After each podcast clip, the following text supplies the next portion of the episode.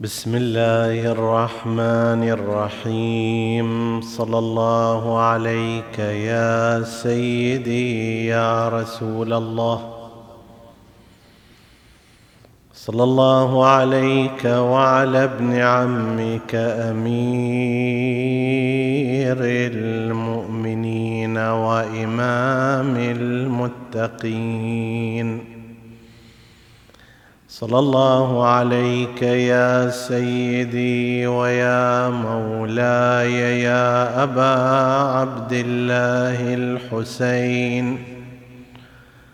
ما خاب من تمسك بكم وأمن من لجأ إليكم. يا ليتنا كنا معكم. فنفوز فوزا عظيما. قال الله العظيم في كتابه الكريم بسم الله الرحمن الرحيم. إنه لقرآن كريم في كتاب مكنون. لا يمسه إلا المطهرون. تنزيل من رب العالمين. آمنا بالله. صدق الله العلي العظيم. عطروا مجالسكم بذكر محمد وآل محمد.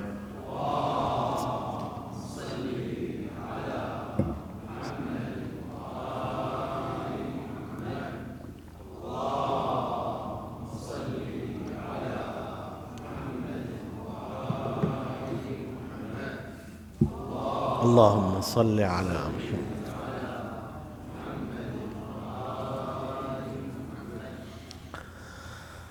حديثنا بإذن الله تعالى في ذيل هذه الآيات المباركات بعد إلقاء نظرة عليها يكون في بعض الأحكام المرتبطة بالقرآن الكريم.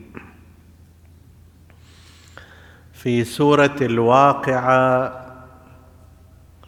وهي من السور التي ورد الحث عليها كثيرا وندب إلى حفظها ويستشعر الإنسان جهة ذلك من خلال المعاني. التي توجد في هذه الآية في هذه السورة وفي آياتها. ولا سيما مشاهد القيامة وما بعدها من الجنة رزقكم الله وإيانا دخولها ومن مشاهد السوق إلى النار أعاذكم الله وإيانا منها.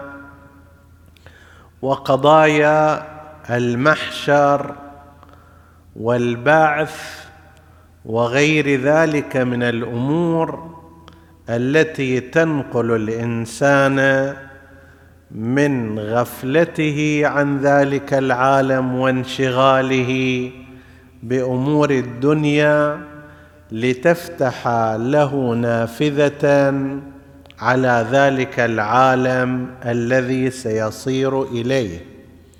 حتى يتفكر الإنسان ذلك أن نسبة التفكير في عالم ما بعد الحياة الدنيا بالنسبة لنا هي أقل بكثير مما يستحق.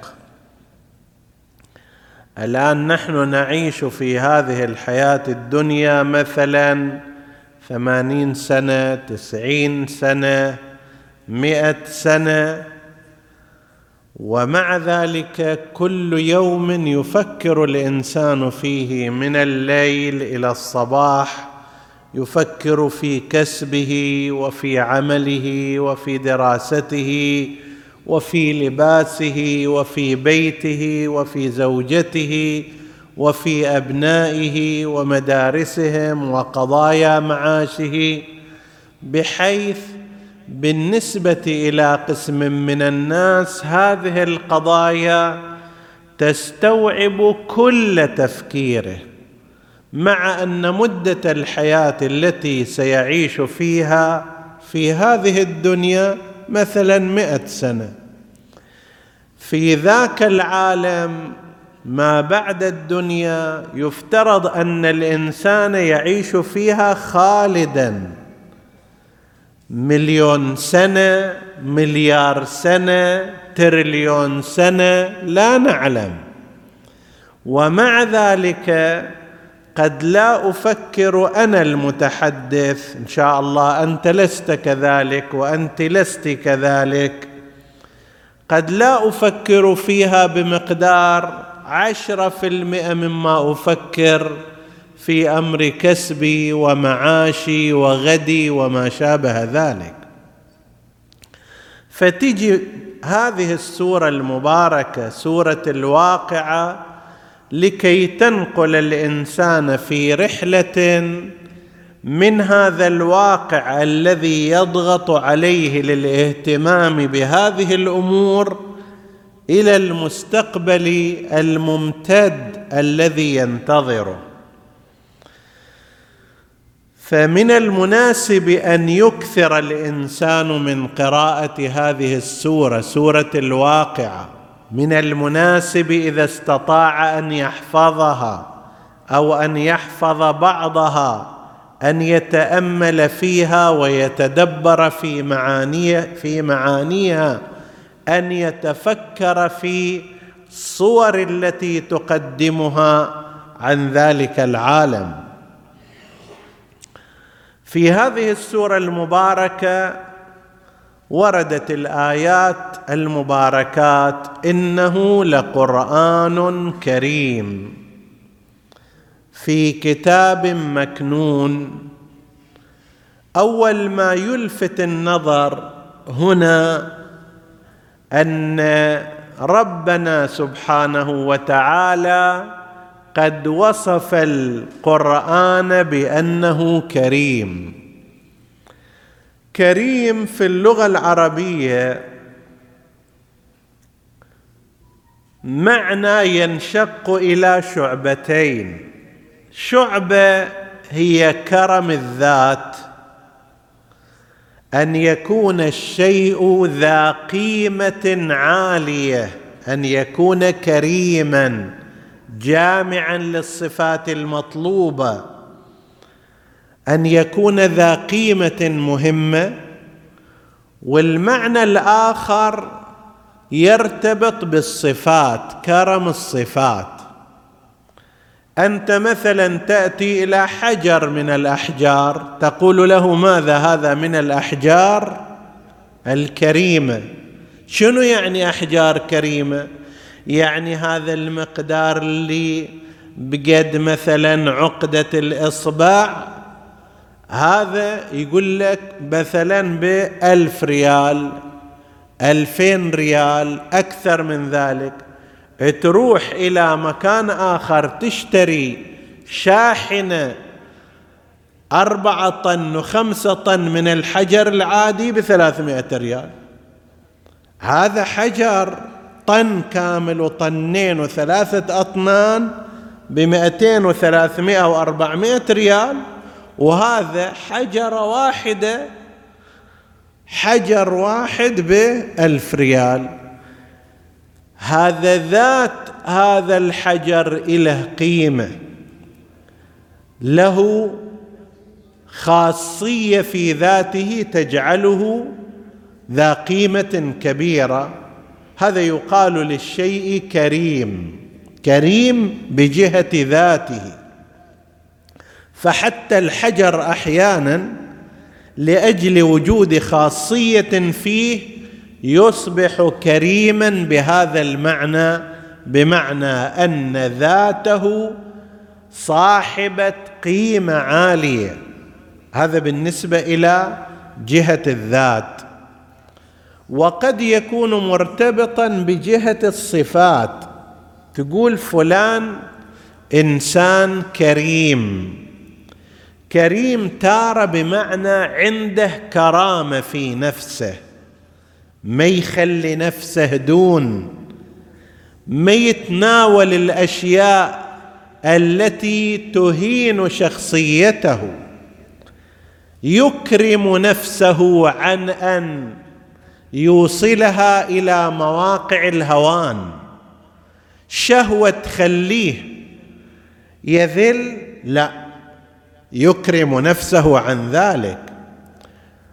طاغية يريد يفرض عليه شيء ما يريده يكرم نفسه. كريم في صفة الإمام الحسين كريم أبى شم الدنية أنفه. لا يشم رائحة الدنية والخضوع لكرامته. فعنده كرامة هذه من الصفات وعنده كرم بمعنى سخاء وباذل ويده مفتوحة. فقد تكون الكرم بمعنى خاصية في ذات الشيء تجعله صاحب قيمة عظمى. وقد تكون ناظرة إلى وجود صفات أخلاقيات كرامة في النفس أو كرامة أو كرم في العطاء والباذل كريم تجمع كل هذه المعاني. الله سبحانه وتعالى استعمل هذه اللفظه لوصف القرآن الكريم فقال إنه لقرآن كريم. ذات هذا القرآن فيه صفة تجعله عالي القيمة. قد يكون لأجل أنه كلام الله عز وجل. قد يكون لأجل أنه يهدي للتي هي أقوم. هذه الصفة الذاتية إلى تجعله صاحب قيمة عظيمة جدا. طيب. وأيضا بمعنى البذل والسخاء تجي أيضا في القرآن الكريم نظرا لأن عطاء القرآن لمن يقرأه لا حدود له. الآن أنت تلاحظ مثلا بعض التفاسير يذكر أنه وصلت إلى سبعين مجلد. هذا كله من عطاء القرآن عندما تأمل هذا المفسر وتدبر في آيات القرآن الكريم وفتح أبواب خزائنه أصبح يحصل على العلم فالقرآن معطاء سخي بذال نفاع للناس ومو لسنه دون سنة أخرى وإنما كما ورد في الحديث ما بال هذا القرآن لا يزداد على النشر إلا طلاوة وعطاء.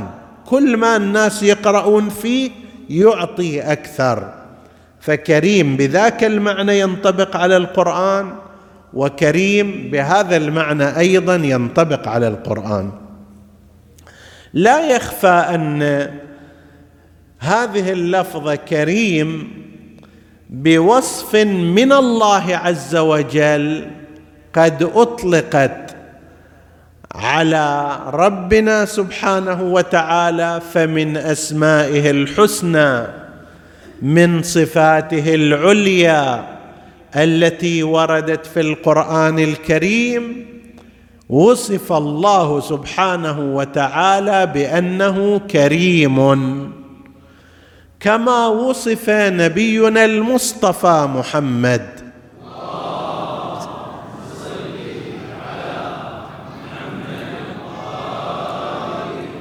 لا شك ولا ريب أن الذات الإلهية هي صاحبة القيمة الأعلى. الله سبحانه وتعالى هو رب الكائنات. وأي سمو أسمى من هذا. وأيضا بمعنى العطاء والسخاء يا من لا تزيده كثرة العطاء إلا جودا وكرما. وبالنسبة إلى نبينا صلى الله عليه وآله يقول في القرآن الكريم إنه وإنه لقول رسول كريم وما هو بقول شاعر قليلا ما تذكرون.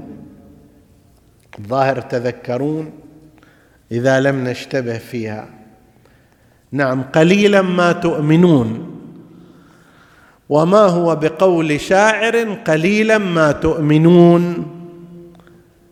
هنا وصف الله سبحانه وتعالى النبي الرسول بأنه كريم إنه لقول رسول كريم.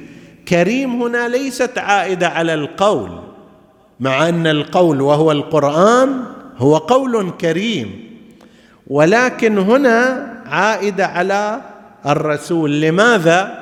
لأنها لو كانت عائدة على القول لكان حقها أن ترفع. حيث أنها ستكون صفة للمرفوع فلازم تكون شنو؟ مرفوعة. لازم يقول إنه لقول رسول كريم. لقول كريم من رسول لكن الله لم يقل هكذا. وإنما قال إنه لقول رسول كريم. فكريم هنا صفة للرسول وليست صفة للقول. النبي المصطفى صلى الله عليه وآله أيضا يجمع كرامة الذات وعلوها شخصية شخصية مكرمة معظمة كريمة ذات كرامة وأيضا ذات كرم وسخاء وعطاء. نسأل الله سبحانه وتعالى أن يكرمنا بكرامة النبي المصطفى وأن يجعله شفيعا لنا في يوم القيامة إنه على كل شيء قدير. فإذا صار عندنا الله سبحانه وتعالى يوصف بهذه الصفة النبي يوصف بهذه الصفة القرآن أيضا يوصف بهذه الصفة. نعم ورد أيضا صفات مثل إنه ألقي إلي كتاب كريم لكن هذه الصفه من ملكة سبأ لا من الله سبحانه وتعالى. وإن كان الكتاب له كرامة ما دام من سليمان. فيصفه القرآن الكريم يصف نفسه إنه لقرآن كريم. تلاحظوا أيضا التأكيدان تلاحظون تأكيدين في هذه الآية المباركة. إنه هذا حرف إن المشدد للتأكيد شغله هو التأكيد. وأيضا إضافة اللام إنه لقرآن. يقدر يقول إنه قرآن لكن أضاف اللام هنا يقول علماء اللغة لأجل التأكيد إنه لقرآن كريم. في كتاب مكنون في على ما هو في التفسير في اللوح المحفوظ مستور لا يصل إليه نقص ولا تحريف ولا تزييف ولا غير ذلك. إلى أن أذن الله سبحانه وتعالى فأنزله في الآية الأخيرة قال تنزيل من رب العالمين. هذا في الكتاب المكنون يعني في اللوح المحفوظ كما ورد في التفاسير. ماذا من صفاته لا يمسه إلا المطهرون؟ لا يمسه إلا المطهرون. يمكن أن تفهم بأكثر من منحى. المنحى الأول منحى عقائدي والمنحى الثاني منحى فقهي. المنحى العقائدي وكلاهما واردان في الروايات. المنحى العقائدي ينتهي إلى معنى أن القادر على استخراج أعماق القرآن الكريم هم من طهرهم الله عز وجل وهم محمد وآل محمد.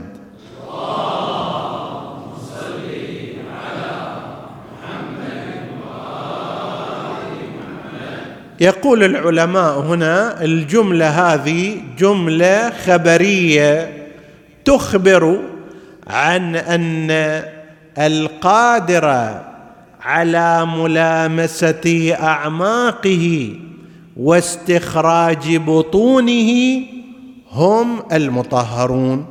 والمطهرون من هم؟ المطهرون غير الطاهرون.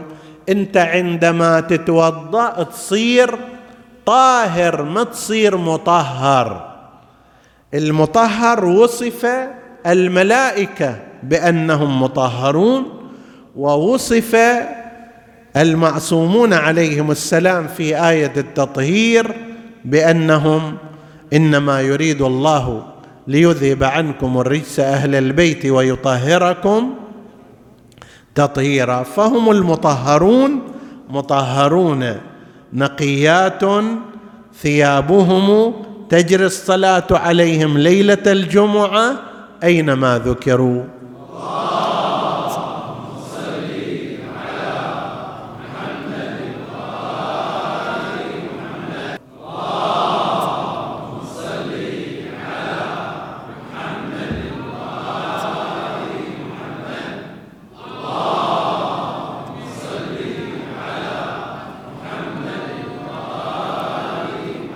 فالمعنى الأول إذا معنى عقائدي. خبر عن أن الذي يمس القرآن هم المطهرون والمطهر غير الطاهر. القرآن بيد كل الناس ولكن من الذي يستطيع أن ينفذ إلى أعماقه؟ ويعرف مغازيه ومعانيه ومفاهيمه بتمامها هم من طهرهم الله. هذا المعنى الأول. استخدمت أيضا واستعملت كلمة يمسه هنا بمناسبتها للقرآن نفتهم أن المقصود منها مو الملامسة بالبشرة. فإن هذا الفعل مسس هذا الأصل مسس استخدم في القرآن على أنحاء. مرة استخدم بعنوان المواقعة بين الزوج والزوجة. العلاقة الزوجية الجنسية الكاملة استعمل بهذا المعنى كما في آية الظهار فتحرير رقبة من قبل أن يتماسى إذا واحد لا سمح الله الآن الحمد لله ماكو هالجهالات بس كانت في زمن قديم. قال لزوجته مثلا أنت علي كظهر أمي. سأل واحد يتعلمها ويروح يجربها مثلا. أنت علي كظهر أمي. معنى ذلك أنه حرمت علي كما هو حرام علي. ظهر أمي ومواقعة أمي شلون حرام؟ كذلك أنت. هذا حتى لا يعود إليها الإنسان مثل هالكلام. فرضت عليه في الشريعة عقوبة. قالوا له ما دام تقول هالكلام هذا لا يجوز لك أن تقارب زوجتك بمواقعة جنسية كاملة إلا بعد تحرير رقبة وإلا ما دام ما حررت رقبة خلاص أنت تكون بعيدا عن هذا الجانب. لذلك القرآن قال فتحرير رقبة من قبل أن يتماسى يتماسى هنا بمعنى يمارس العلاقة الزوجية الكاملة. في مكان آخر اجى استخدم نفس كلمة مسس بعنوان الملامسة بالبشره مس بشرته مثل قول الله عز وجل في قضية السامري عندما حاول أن يغوي قوم بني إسرائيل بعد ذهاب موسى عقوبته كان أن لك في الحياة أن تقول لا مساس خلص بعد تروح وما تخلي أحد يختلط وياك ويباشرك ويسلم عليك وما شابه ذلك. هناك فهمنا من لا مساس يعني المواصلة والمباشرة ومثل المصافحة وأمثال ذلك. هنا فيها الاستعمال لا يمسه إلا المطهرون. لو قلنا بالملامسة اليدوية لكان هذا الأمر والعياذ بالله غيرك غير صحيح. كاذب. ليش؟ الآن في شهر رمضان مئات الملايين من المسلمين يمسون القرآن الكريم فكيف يقول لا يمسه إلا المطهرون؟ وكثير منهم يمسونه على غير طهارة وحتى لو كانوا على طهارة هؤلاء طاهرون وليسوا مطهرون وليسوا مطهرين. فإذا يتعين أن يكون معنى هذه الآية لا يمسه إلا المطهرون بمعنى أنه لا يدرك أعماقه لا يفهم بطونه لا يستطيع الاستنباط من كل آياته إلا المطهرون. وهذا المعنى معنى عقائدي. خبر فيه ابتداء وفيه إخبار عن أن القرآن لا يمس إلا من قبل المطهرين بمعنى لا يدرك معانيه على حقيقتها وبأعماقها إلا المطهرين إلا النبي وأهل بيته سلام الله عليهم. المعنى الثاني معنى فقهي. هذا المعنى الفقهي يقول لا يمسه إلا المطهرون. بمعنى لا يلامس حروفه إلا من تطهر وبالتالي لا يجوز للإنسان أن يمس كتابة القرآن إذا كان محدثا بحدث أصغر أو بحدث أكبر. يعني إذا كان على غير وضوء أو كان على جنابة أو كانت على حالة الحيض والنفاس فهذا ما يقدر يمس خط القرآن الكريم. وفي هالحالة راح تصير لا يمسه إلا المطهرون.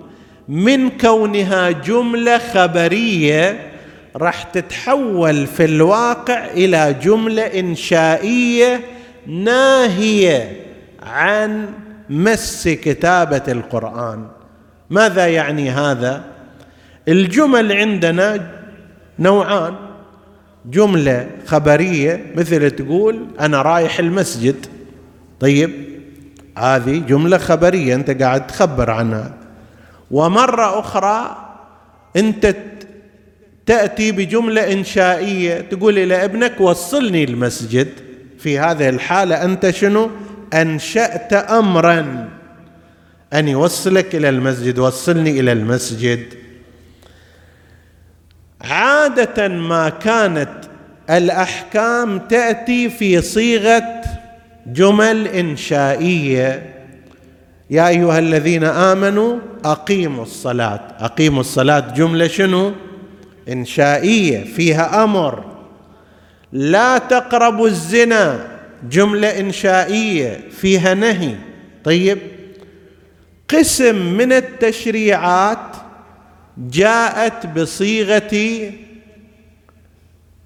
جاءت بصيغة الجملة الخبرية مثل قول الله عز وجل ولله على الناس حج البيت حج البيت هذه الآية المباركة مبتدأ وخبر يعني حج البيت على الناس مكتوب أو مفروض جملة خبرية ولكن استفاد منها العلماء أنها في قوة الإنشاء بل أقوى منه كما يقولون. وهذا مو بس في الفقه موجود حتى في العرف العام موجود. الآن أنت تروح إلى إدارة مكتوب عليها الدخول ممنوع الغرفة الفلانية الدخول ممنوع مبتدأ وخبر. وش المقصود منها؟ مو فقط يخبروك مقصود منها أنت لا تدخل. فلو أن إنسانا دخل إلى هذه الغرفة اللي مكتوب عليها الدخول ممنوع يقول له ليش تدخل؟ ما شفت الورقة؟ ما يقدر يقول أنا شفتها بس هذه جملة وخ... جملة خبرية مبتدأ. وخبر ما قلت إلي أنه لا تدخل. يقولون لا العرب يفهمون من الجملة الخربي الخبرية شنو؟ أن هذا لا ينبغي أن يدخل. لا تدخل. يقول لك الطريق مغلق. يعني شنو؟ مو تقول خب فهمنا وتمشي فيه. يعني لا تمشي لا تروح لا تسلك هالطريق. طيب فهذه جملة خبرية ولكن في قوة الجملة الإنشائية بل ربما تكون أقوى منها على تقريب ذكروه في بحوثهم. فلما يجي يقول لا يمسه إلا المطهرون كأنه يريد أن يقول لا تمس كتابة القرآن إلا وأنت على طهارة. وهناك رواية ينقلها في الكافي عن الإمام أبي الحسن موسى الكاظم. سلام الله عليه. قال لا يمس لا يمس كتابة القرآن محدث ولا جنب. محدث يعني غير متوضئ وجنب واضح وكذلك يلحق بها منه المرأة الحائض وسنأتي بعد ذلك على هذا الأمر. إن الله للشاهد في الرواية هكذا إن الله يقول لا يمسه إلا مطهرون فاستشهد الإمام عليه السلام على هذا الحكم أنه لا يجوز مس كتابة القرآن وأنه لا تمس كتابة القرآن استشهد عليه بالآية المباركة.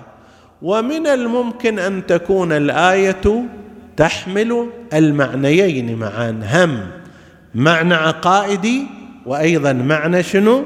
فقهي. فكم للقرآن الكريم من بطون وأبعاد وأعماق. واحد منها عقائدي واحد منها فقهي واحد منها شيء ثالث. ما في مانع هذا. إنه لقرآن كريم في كتاب مكنون لا يمسه إلا المطهرون تنزيل من رب العالمين. هذه الكلمة الأخيرة هم صفة وهم تعليل أيضا فيها جهة تعليلية. ليش لا يمسه إلا المطهرون؟ لأنه تنزيل من رب العالمين. فهم تثبت ما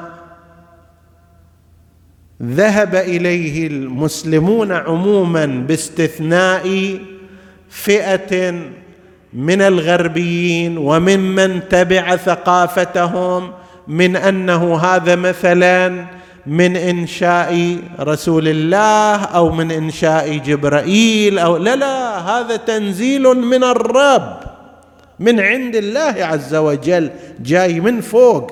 هو نفسه القرآن. إنه لقرآن. هذا القرآن هو نفسه تنزيل. مو معانيه ولا أبعاده. القرآن الذي يقرأ هو تنزيل من رب العالمين. هذا الأمر يدعونا إلى الدخول في بعض الأحكام المرتبطة بالقرآن الكريم وتكريمه. من الواضح أن القرآن الكريم والسنة المطهرة شرعت مجموعة من الأحكام بعض غاياتها تكريم القرآن الحفاظ على كرامته وشخصيته وقيمته.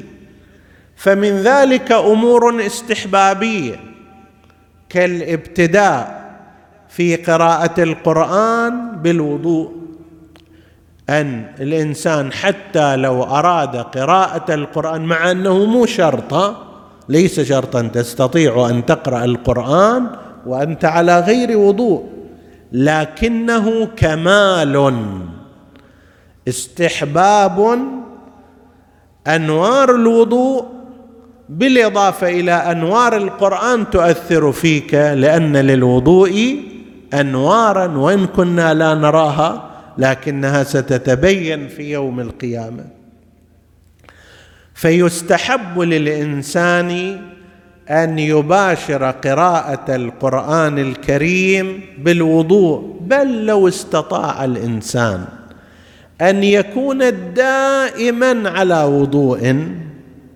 فهذا أفضل عادة يتعود عليها الإنسان. في البداية قد يشوفها الواحد انها فيها صعوبة بعدين تصير من السهولة بمكان إلى حد أن الإنسان لو تركها مرة نسيانا يستوحش. عادة الإنسان بين فترة وأخرى يحتاج إلى دورة المياه. يروح هناك يقضي حاجته.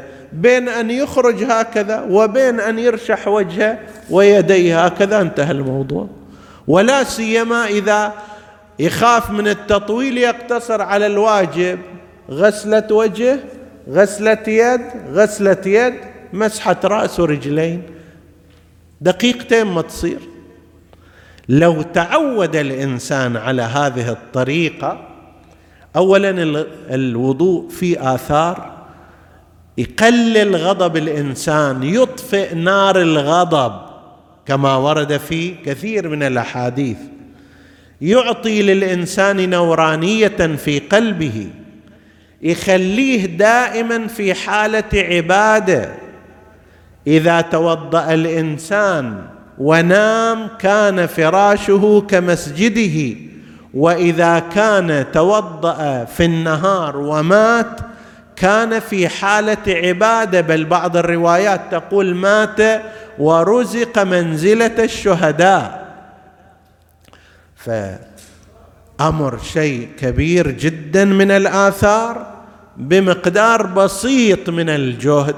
بالنسبة إلى القرآن يستحب للإنسان أن يتوضأ قبل ذلك لكنه ليس شرطا في لا تمتنع عن القرآن بزعم أنك شنو؟ غير متوضئ. اقرأ ولو على غير طهارة.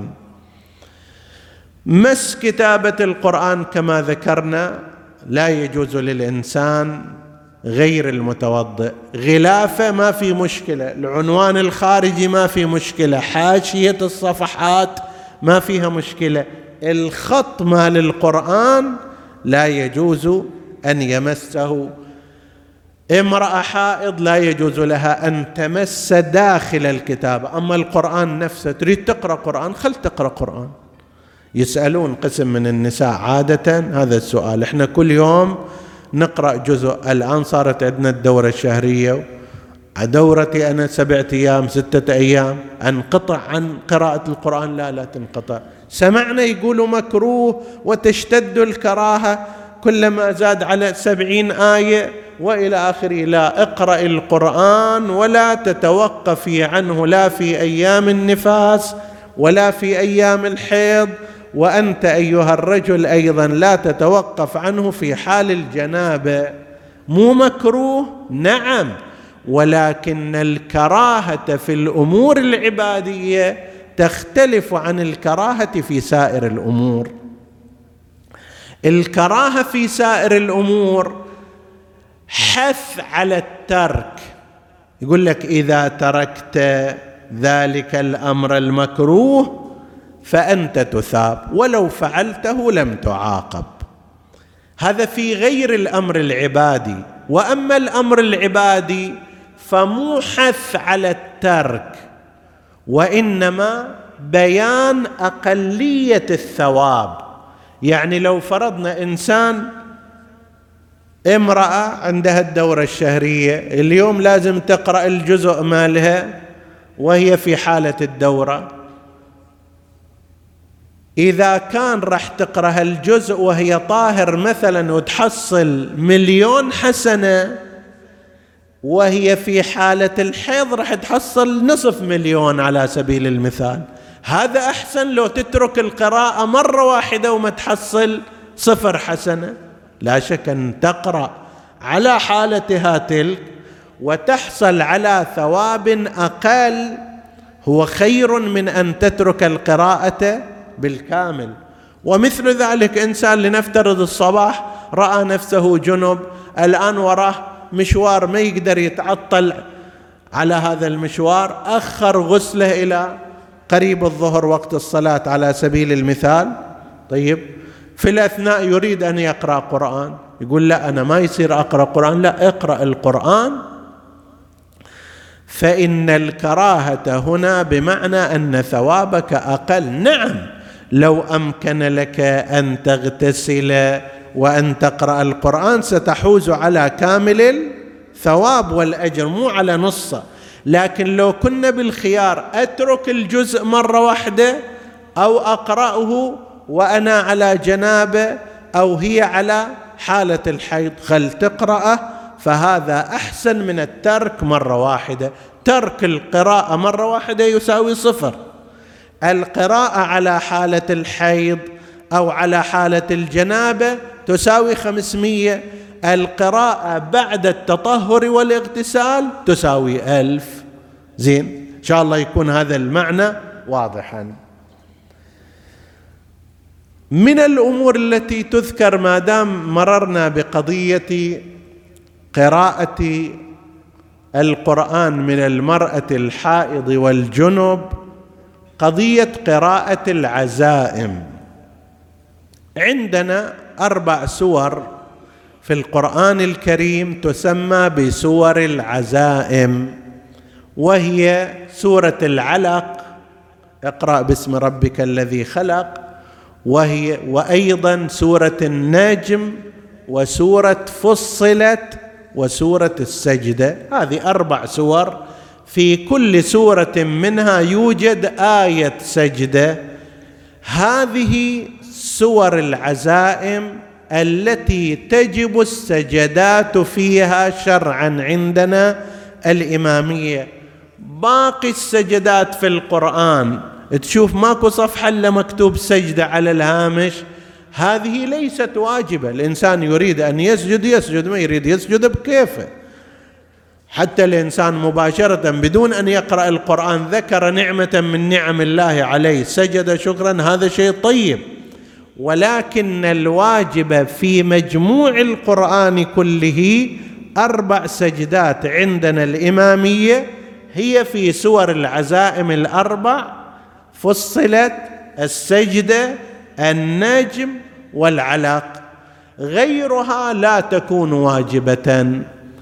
هذه السجدات بالنسبة إلى الانسان المجنب رجل أو امرأة لا يجوز قراءتها حتى لو كان عنده الجزء ماله يقراه وصل لنفترض إلى سورة السجده ما لازم يقرأ هذه الآية آية السجده امرأة حائض جاية تقرأ وصلت إلى سورة النجم أو إلى سورة العلق كملت القرآن. لما توصل إلى آية السجدة لتقراها هذا على المشهور عند العلماء. أكو بعض العلماء احتاطوا بعدم قراءة السورة كاملة لكن الرأي المفتى به في هذا الزمان وهو المشهور أنه يجوز قراءة السورة بكاملها باستثناء آية السجدة. هذه من الأحكام الخاصة بمن كان على جنابة أو كانت حائضا. من الأمور المرتبطة بالقرآن الكريم قضية اعطائه واهدائه إلى الغير ممن لم يكن من المسلمين. عندي زميل مسيحي عندي زميل من أهل الكتاب على سبيل المثال وربما إذا يطلع على القرآن الكريم يتأثر ينتفع بذلك العلماء يقولون لا مانع من إعطائه القرآن الكريم لكي يقرأه. أنا فقط شيء لازم أضمنه. هذا لا يكون إنسان معاند سيء بحيث أول ما أعطيه القرآن يمزقه أول ما أعطيه القرآن هنا يتك إذا ما كان هالشكل فأعطه القرآن لعل هداية الله تحل عليه وينتمي إليه. ما في مانع عندنا الإمامية على رأي العلماء من إعطاء القرآن الكريم لغير المسلم إذا لم يحصل منه هتك له وإهانة اليه أو تنجيس اليه أو ما شابه ذلك. عندنا قرآن صار ممزق صار فيه كذا غير كامل بعض الآيات راحت من عنده أو لا عندنا أوراق فيها سور قرآنية. ماذا نصنع بها؟ نذبها في الزبالة. هتك حرام ما يجوز. نحرقها. أيضا هو من أوضح مصاديق الهت كذلك لا يجوز. قال العلماء هنا إذا لم يمكن الاستفادة من هذا القرآن ولو في مكان آخر. أنت الآن في بيتك لا تستفيد من هذا القرآن لكن لو وديته إلى مسجد من المساجد يستقبلونه. لو وديته إلى مكان آخر ما عندهم قرآن حاضرين يستقبلوا هذا القرآن فأرسله إليه. إذا لم يكن كذلك آنئذ وأردت أن تتخلص من القرآن بنحو لا يلزم منه هتك لحرمته وإهانة لكرامته ففي هالحاله تقدر توديه إلى ماء بحر تخليه في البحر. نهر عندك تخليه في هذا النهر. لا تدفنه في الصحراء في التراب. وآنئذ أنت تكون بريء الذمة من هذه الجهة. أو أن يكون بعض الأماكن عندها تدوير للاشياء بحيث تمحي آيات القرآن. وبعض المصانع يجون هذه يفرموها بشكل يتحول هذا أصلا إلى عجينة ماكو بعد لا يتميز منه لا ألف ولا نقطة ولا كذا خلاص تصير عجينة جديدة. طيب هذا بعد الآن ليس بقرآن وانئذ لو تم تصنيعه في أي شيء ليس بحرام لأنما لأنه إنما يحرم إهانة القرآن وهذا بعد زوال خطه لا سيما أن قسما من هذه الأماكن يستخدمون مواد كيميائية اللي تروح هذا الصبغ والأحبار ولون الطباعة بشكل كامل. أيضا إذا هالشكل لا مانع منه. بقيت نقطة أخيرة وننهي بها الحديث أنه يستحب في القرآن قراءته بالحزن وأن يجتنب من الأصوات والألحان كما قال نبينا المصطفى محمد.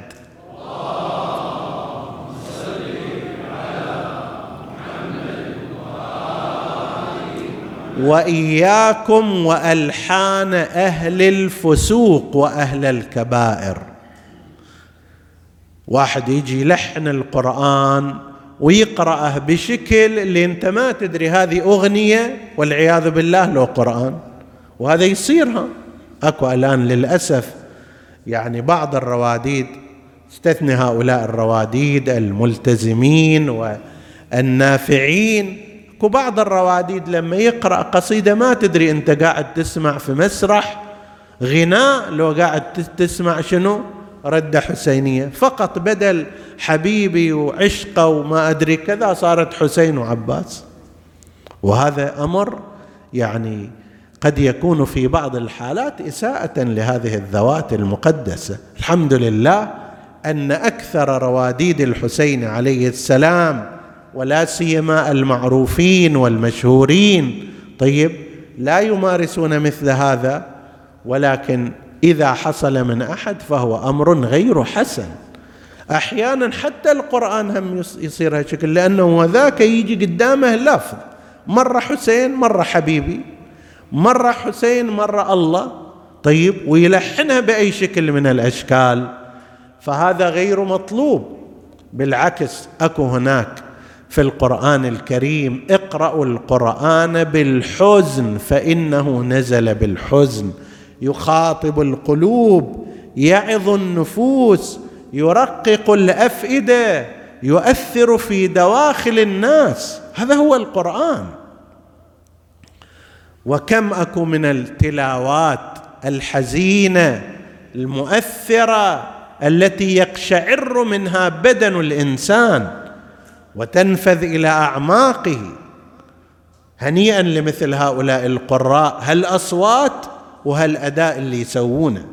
طيب القرآن الكريم يقلب حياة قسم من الناس إذا كان بشكل مؤثر وحزين. ذكرنا فيما يرتبط بالإمام زين العابدين عليه السلام وعدد من الأئمة. ذكروا أيضا شبيه بهذا في تأثير إمامنا موسى بن جعفر الكاظم عليه السلام. ونتوسل هذه الليلة بذكره ليلة الجمعة وهو باب الحوائج إلى الله سبحانه وتعالى. نتوسل إليه في قضاء حوائجنا أن يشفع عند الله. يا موسى بن جعفر يا أبا الحسن يا موسى بن جعفر يا ابن رسول الله يا حجة الله على خلقه. يا سيدنا ومولانا إنا توجهنا واستشفعنا وتوسلنا بك إلى الله وقدمناك بين يدي حاجاتنا يا وجيها عند الله. اشفع لنا عند الله. وهو حري بذلك. باب الحوائج ما قصد ما قصدته مروعة ولا أحد طالب حاجة إلا وشفع عند الله عز وجل. هذا عرف بالعبادة وتأثيره في من يعاشره حتى أنهم يذكرون لما جيء به إلى سجنه الأخير وهو الذي كان يتمنى هذه الفرص. اللهم إني ينقل عنه صلوات الله عليه. اللهم إني كنت أسألك أن تفرغني لعبادتك. اللهم وقد فعلت فلك الحمد. أنا صار عندي فرصة فراغ. في السابق كنت مشغول بمسؤوليات اجتماعية بقضايا العائلة بأمور مختلفة. ما كنت أبلغ غايتي من العبادة. الآن أنا متفرغ فأنا في نعمة. فلك الحمد. جاب إلى هارون العباسي في زعمه لكي تلهيه. جارية جميلة مغنية لعوب. حتى تغويه تغريه. وكل إنسان يرى الناس بعين ذاته. فلما جاءت إلى إمامنا الكاظم عليه السلام وبقيت عنده وسمعت صوت قراءته بالقرآن ودعائه لله عز وجل وتسبيحه فتح عينها على آفاق جديدة من الحياة لم تعهدها فخرت ساجدة لله عز وجل تائبة مستغفرة باكية على ما كان من ماضي حياتها الجلاوزة رفعوا إلى هارون هذا الأمر قال لهم جيبوها جابوها قال لها إيش سويت بنفسك أنت؟ قالت لما قرأ القرآن ودعا ربه وسبح كأني أسمع التسبيح من كل مكان يأتي. هذا مو تسبيح عادي كأن الكل يتجاوب مع هذا التسبيح الموسوي. ها هم هكذا هم. رجال الله يوصف في هذه الصلوات الخاصة به ونحن من هذا المكان نصلي عليه ونزوره بهذه الزيارة. اللهم صل على محمد وآل محمد وصل على موسى بن جعفر إمام الأبرار وقائد الأخيار الذي كان يحيي الليل بالسهر إلى السحر بمواصلة الاستغفار. سيدي أبا الحسن أنت إمام معصوم وتحيي الليل بالسهر مستغفرا لله عز وجل وأنت المعصوم الذي لم تسدر منك معصية واحدة. شي يكون حالنا إحنا إذن؟ وإحنا محاطون بالتقصير وربما بالذنوب والمعاصي. شقد لازم نستغفر إذا أنت تحيي الليل بالاستغفار سيدي. الذي كان يحيي الليل بالسهر إلى السحر بمواصلة الاستغفار. إحنا نحيي الليل بالسهر إلى السحر بعضنا شي يسوي فيه؟ بمواصلة الاستغفار. بعد شنو عنده؟ ذي السجدة الطويلة والدموع الغزيرة. هكذا كان حاله في العبادة وحاله في المصيبة. كيف كان؟ تقول الزيارة. ذي الساق